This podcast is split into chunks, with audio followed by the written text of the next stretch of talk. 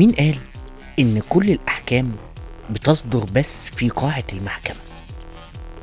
مين قال إن القاضي والمحلفين هم الوحيدين اللي بيملكوا حق إدانة المتهم؟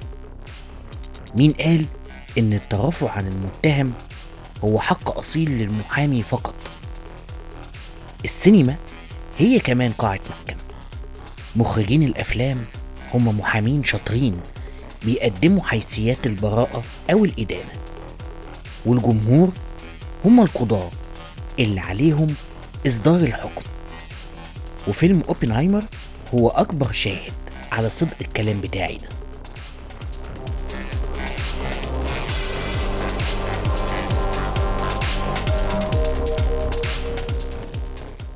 أنا محمد حمدي وده بودكاست ربع مشكل. البودكاست اللي بيتكلم عن مواضيع لها علاقة بالسينما والتكنولوجيا والكتب. لو حبينا نتكلم عن فيلم أوبنهايمر تقدر تتكلم عنه كفيلم بيصنعه أسطورة سينمائية بحجم المخرج كريستوفر نولان. صاحب الأعمال اللي أقل ما توصف بيه إنها أعمال مدهشة زي مثلا ثلاثية أفلام باتمان أو فيلم Inception Interstellar وأفلام غيرها كتير ممكن كمان ننسى كل ده ونتكلم على الفيلم كفيلم عادي. الهدف منه بالمقام الأول هو تقديم تسلية مناسبة للجمهور مع سرد قصة حقيقية عن كواليس صناعة أول قنبلة نووية في التاريخ. طريقة نظرتك للفيلم هي اللي هتحدد مدى تقييمك له ومدى إعجابك بيه. لأن مع رصدي لردود أفعال المشاهدين بره قاعة السينما أو حتى على السوشيال ميديا كان من الواضح إن فيلم Oppenheimer من الأفلام اللي ما فيهاش حلول وسط.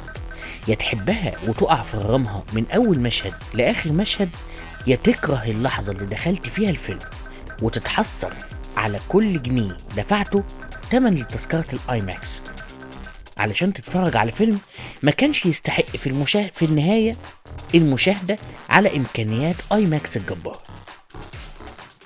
عموما خلونا نتكلم كفنيين ونقول إني هتكلم عن الفيلم كفيلم عادي وهنسى شوية الهالة اللي حوالين إنتاجه.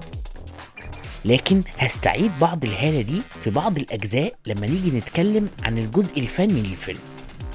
لأني علشان أكون منصف لازم أفكر نفسي وأفكركم إن إحنا فعلا أمام عمل سينمائي بيصنعه صفوة المشهد السينمائي الهوليودي.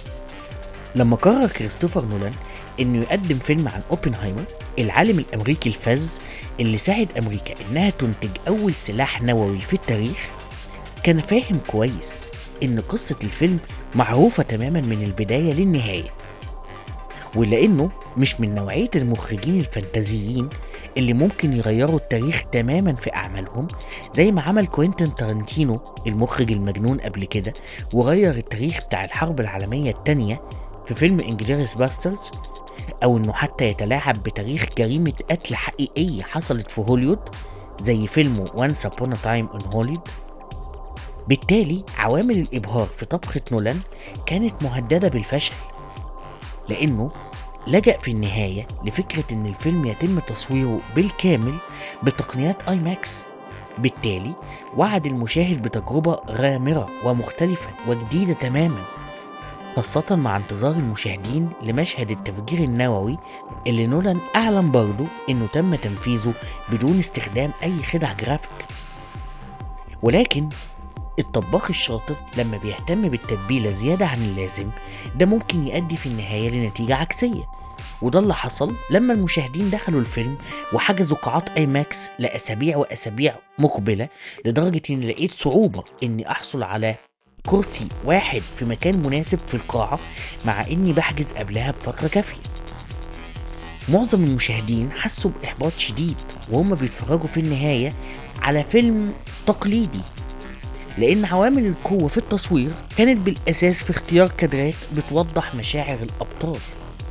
وده اللي حسيته في التركيز على كادرات ضيقة بتوضح نظرات عين أوبنهايمر اللي قام بدوره كيليان مورفي.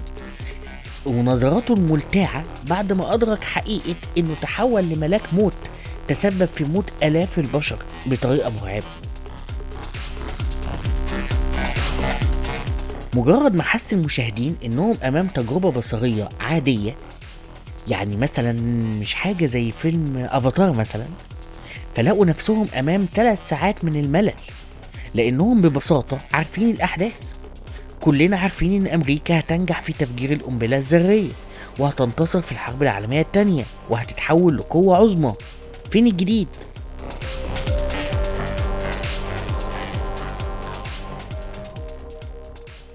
علشان كده أنا فاهم تماما حالة الإحباط الشديد عند قطاع لا يستهان بيه من الجمهور. بالإضافة لقطاع تاني هو الشباب اللي داخل الفيلم وهو مش عارف أصلا عن الأحداث.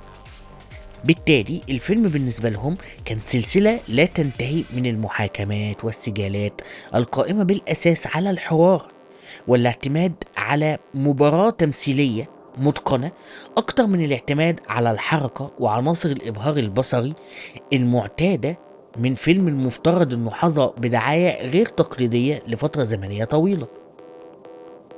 السؤال هنا مين اللي ممكن يعجبه فيلم اوبنهايمر؟ طالما اللي متوقعين القصة مش عاجبهم واللي مش عارفين القصة برضه مش عاجبهم.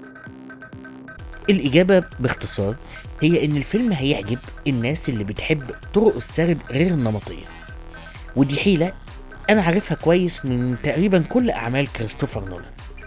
هي حبه للتلاعب بالخط الزمني أو ال timeline بتاع الأحداث.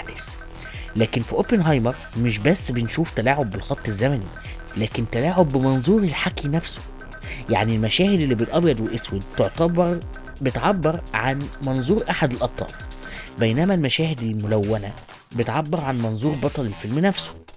وبكده نولان مش بس بيلعب بالزمن هو كمان بيلعب بمنظور الأحداث. دي نقطة مش عايز أتعمق فيها قوي علشان ما أكونش مضطر إني أحرق أحداث الفيلم. لكن هتفهموها كويس لما تتفرجوا على الفيلم. فيلم اوبنهايمر كمان هيعجب الناس اللي عايزة تتفرج على أداء تمثيلي مختلف. أداء مش معتمد على الصوت العالي أو الحركات الانفعالية بقدر اعتماده على نظرات العين ولغة الجسد والمزج غير التقليدي بين مؤثرات صوتية مع حركة الكاميرا زي ما بنشوف في مشاهد تأنيب ضمير أوبنهايمر له وإزاي إنه شايف المجتمع الأمريكي بيتحول من ناس عايزة تكسب معركة حياة أو موت لناس متعطشة للدماء وراغبين في التفوق على الدول التانية مهما كان الثمن الفيلم هيعجب الناس اللي عايزة تفكر في فلسفة الدنيا وإزاي شخص ممكن يتحول من بطل قومي لجاسوس في لحظة. لمجرد رغبته في كبح جنون العظمة وهوس التفوق النووي عند دولة لسه مش مستعدة للتحول من دولة عادية لقائدة العالم بالكامل. ولو حضرتك متخيل إن المشاهدين هيخرجوا من الفيلم منقسمين إما محبين أو كارهين له بدون أي نقطة تلاقي لا. في رأيي إن في أكتر من نقطة للتلاقي في الفيلم. أولها إن الفيلم لا يستحق المشاهدة في قاعة ال IMAX وإن أي شاشة سينمائية تقليدية أو حتى تلفزيون ضخم هتكون مناسبة جدا للمشاهدة.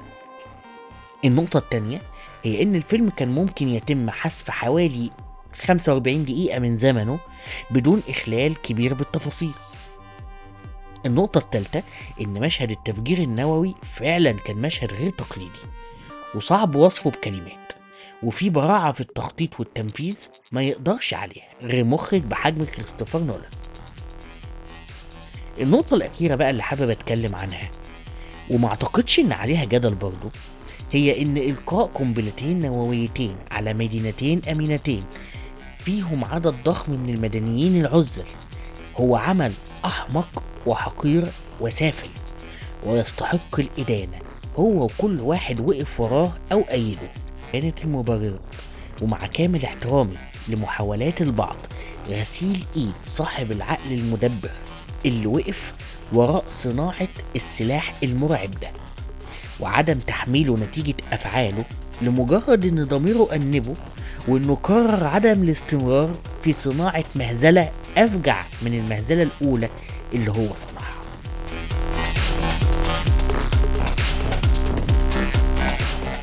وبكده أكون وصلت لنهاية استعراضي لفيلم أوبنهايمر. أتمنى أنه يكون عجبكم وأتمنى أن الحلقات الجاية من البودكاست تعجبكم أكتر.